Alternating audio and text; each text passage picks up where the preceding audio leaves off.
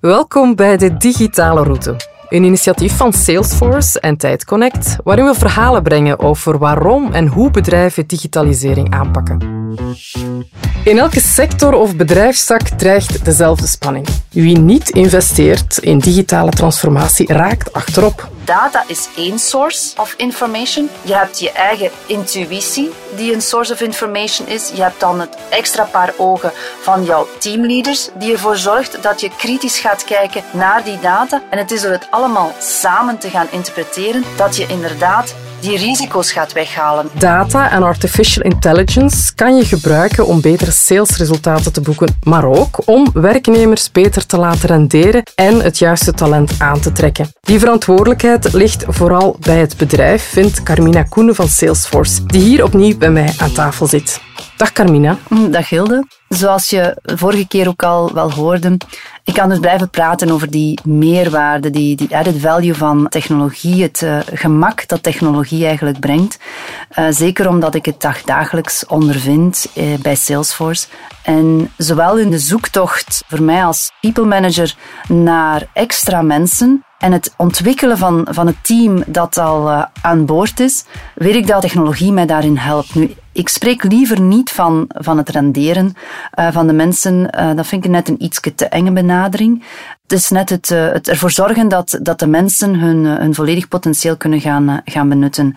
En daarbij is voor mij data, inzichten, daarmee heb ik eigenlijk de tools in handen om uh, ook uh, de inzichten te verzamelen van hoe wij als persoon, als, als, als manager van een team, hoe wij het als werkgever, hoe wij het als bedrijf, zowel op lokaal niveau hier in België als op regioniveau in Europa, uh, maar ook eigenlijk als uh, hoe wij de spiegel van, uh, van het globale inzicht van het bedrijf kunnen gaan gebruiken. Als ik de jobsite van Salesforce zo bekijk, zie ik wel een sterk staaltje van employer branding. Jullie pakken uit met waarden als bijvoorbeeld gender equality, life-work balance, het belang van teruggeven aan de community en nog vele andere.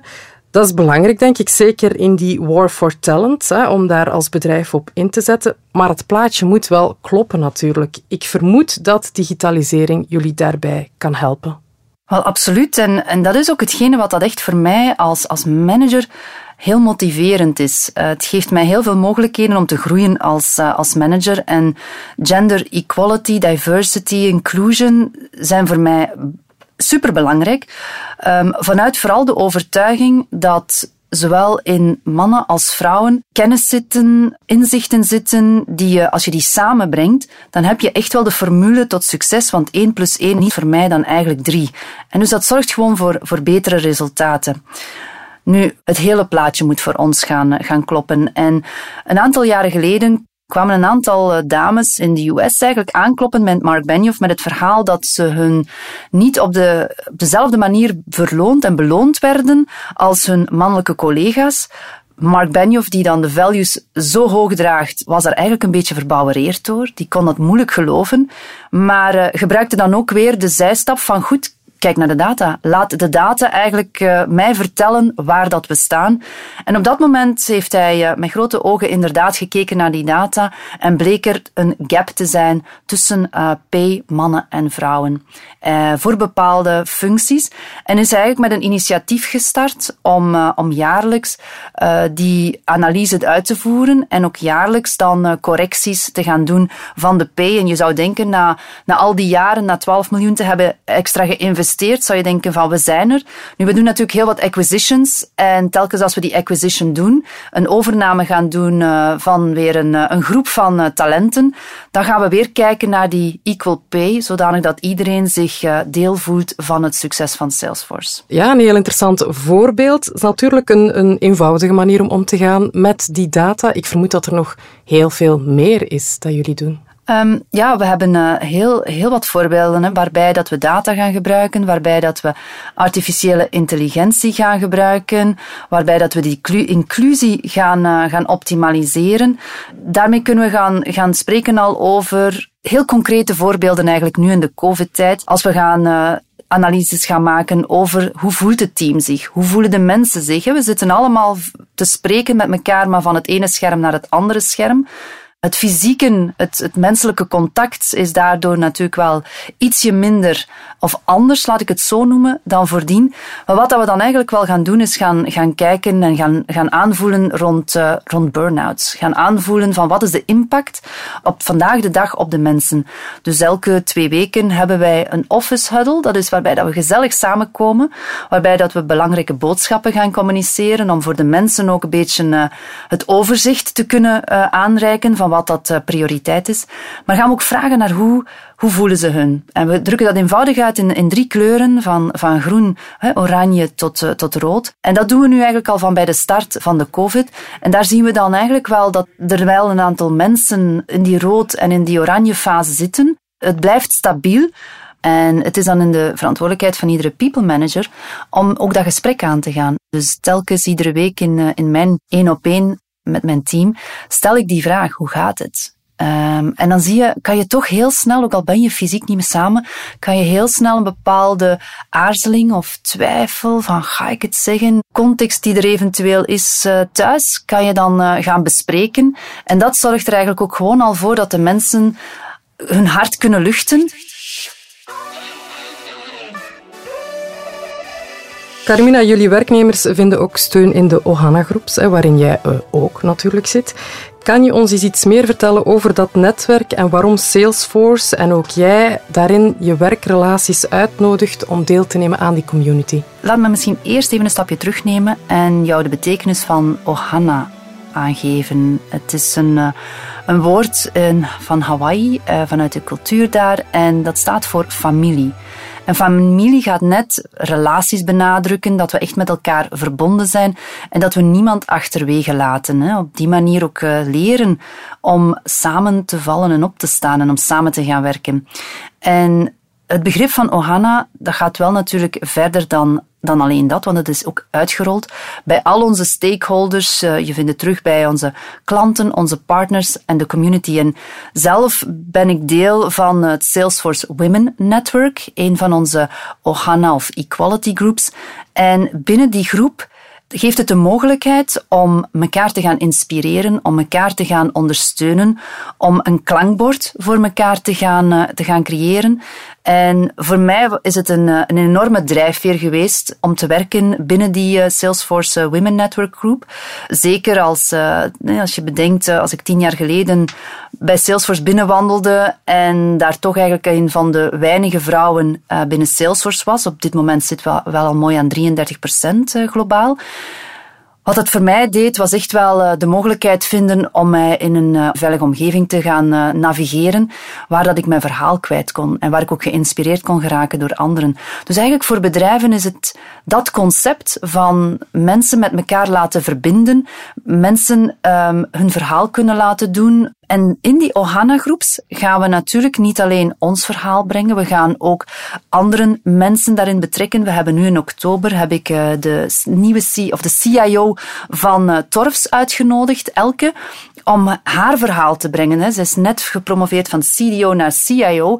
En ik kan mij ook voorstellen dat dat met bepaalde bumps is geweest. En waar dat we vandaag eigenlijk een nood aan hebben, is niet alleen maar te horen van de glitter en glamour, van hoe het eraan toe gaat, maar net ook om eens te horen van, goh, niet iedereen heeft het altijd zo gemakkelijk. En dat net die verhalen brengen, dat is hetgene wat, dat, uh, wat ik ook ga doen als soort van uh, mentor. Hè, want uh, binnen Salesforce is er ook een soort mentorprogramma, waarbij ik mentor ben voor dames die starten in hun carrière, die mij zien on stage staan voor duizenden mensen en die denken dat dat allemaal zo automatisch gaat. Wat dat niet is. Mijn hart slaat ook nog tien keer sneller uh, net voordat ik uh, on stage moet gaan.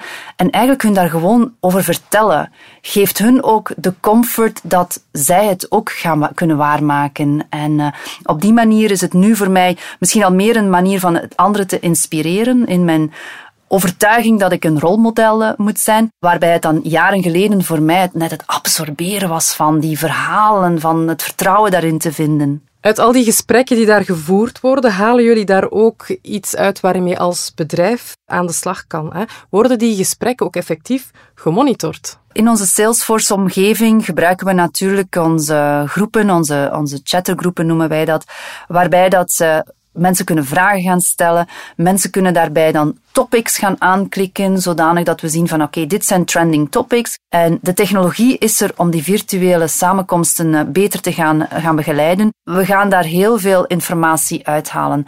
We gaan enerzijds al aanvoelen van hoe vaak moeten we die meetings gaan, gaan organiseren. We hebben ook geleerd dat dat natuurlijk ook heel veel coördinatie vraagt. En we gaan dan specifieke mensen, of eigenlijk gewoon in de community gaan gooien van wie wil hier een global leader worden van het Salesforce Women Network. Uh, mensen gaan zich kandidaat stellen en die analyse gaat weer gebeuren met de mogelijkheid niet om dan die ene individu happy te maken die dan de leader wordt, maar ook vooral om feedback terug te gaan geven naar de kandidaten, zodanig dat zij weer kunnen groeien in hun uh, carrière. Dus dat is hetgene hoe dat technologie en die data iedereen eigenlijk een kans gaat geven. Carmina, op welke andere manieren verzamelen jullie data om jullie bedrijfswaarde te manifesteren? Onze four values, de vier values die, eh, die wij eigenlijk al 21 jaar uh, hoog in het vaandel dragen, is, zijn trust, customer success, innovation en equality.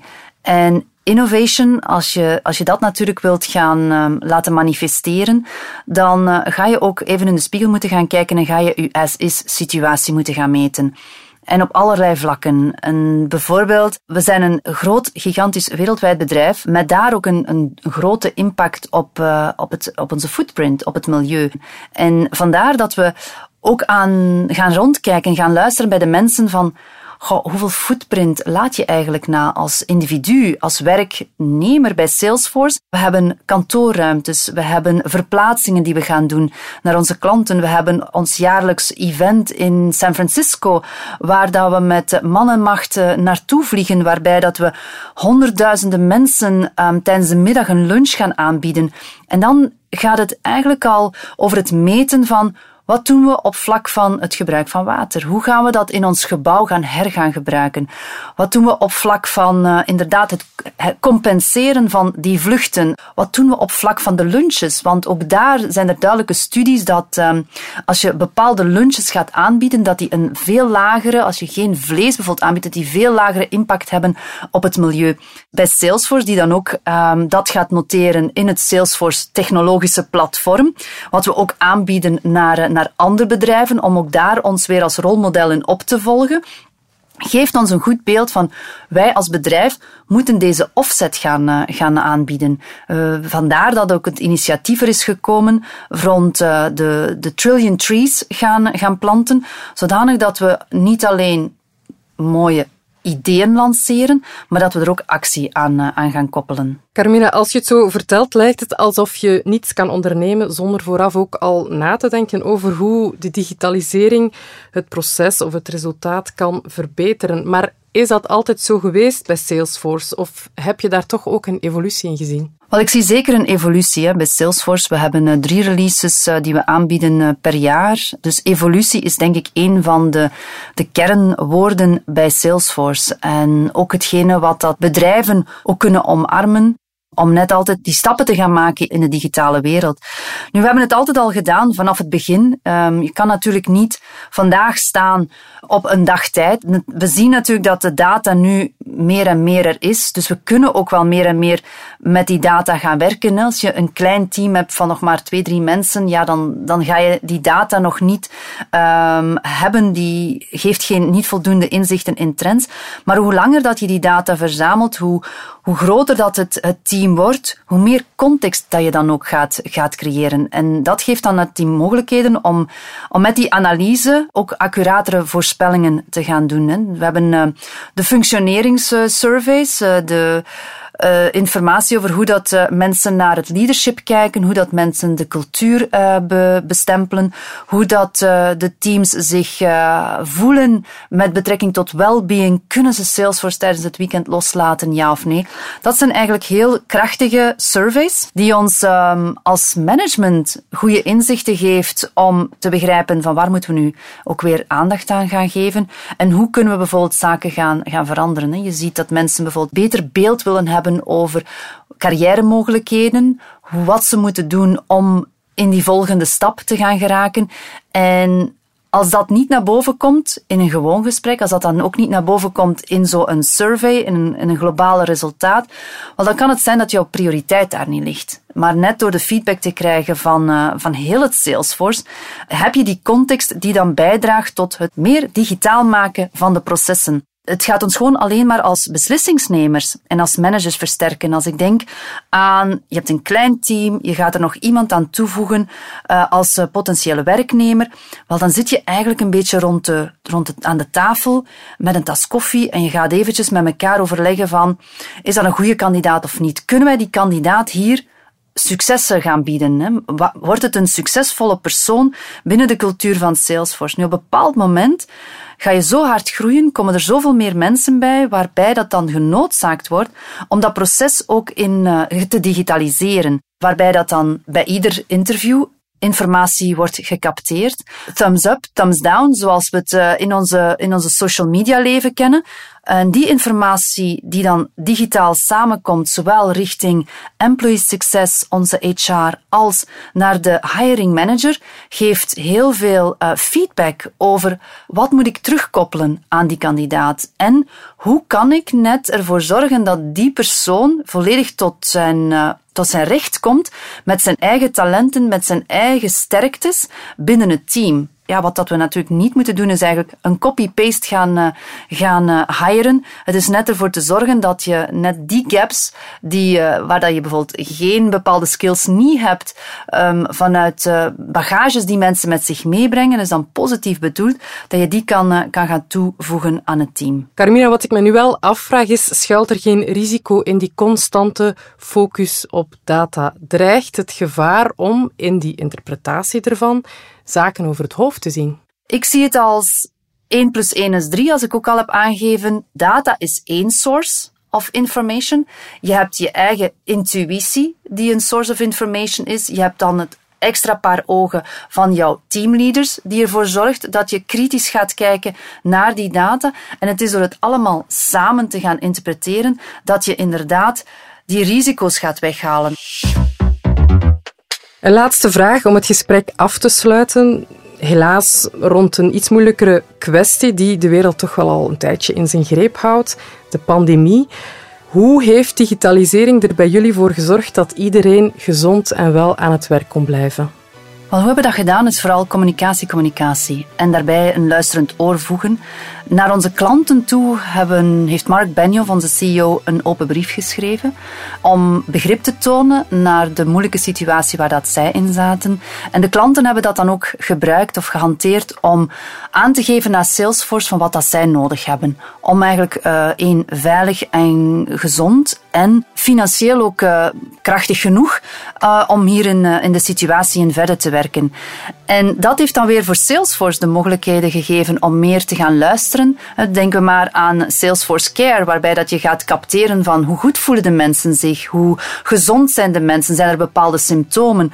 Waarbij dat we ook, als wij die gesprekken hadden met werknemers en werkgevers, om tot de conclusie te komen dat eigenlijk in deze COVID, in zo'n pandemie, drie fases zijn. De fase van stabilisatie, iedereen moet even op adem komen. Dan heb je de fase terug van um, ja, establishen, terug wat op gang terugkomen en dan de groeifase. En in van die fases hebben mensen andere digitale behoeftes. En daar hebben we dan ook op ingespeeld, waarbij dat we nieuwe technologieën zoals Work.com, een oplossing om mensen veilig terug naar het kantoor te laten gaan. Echt plannen.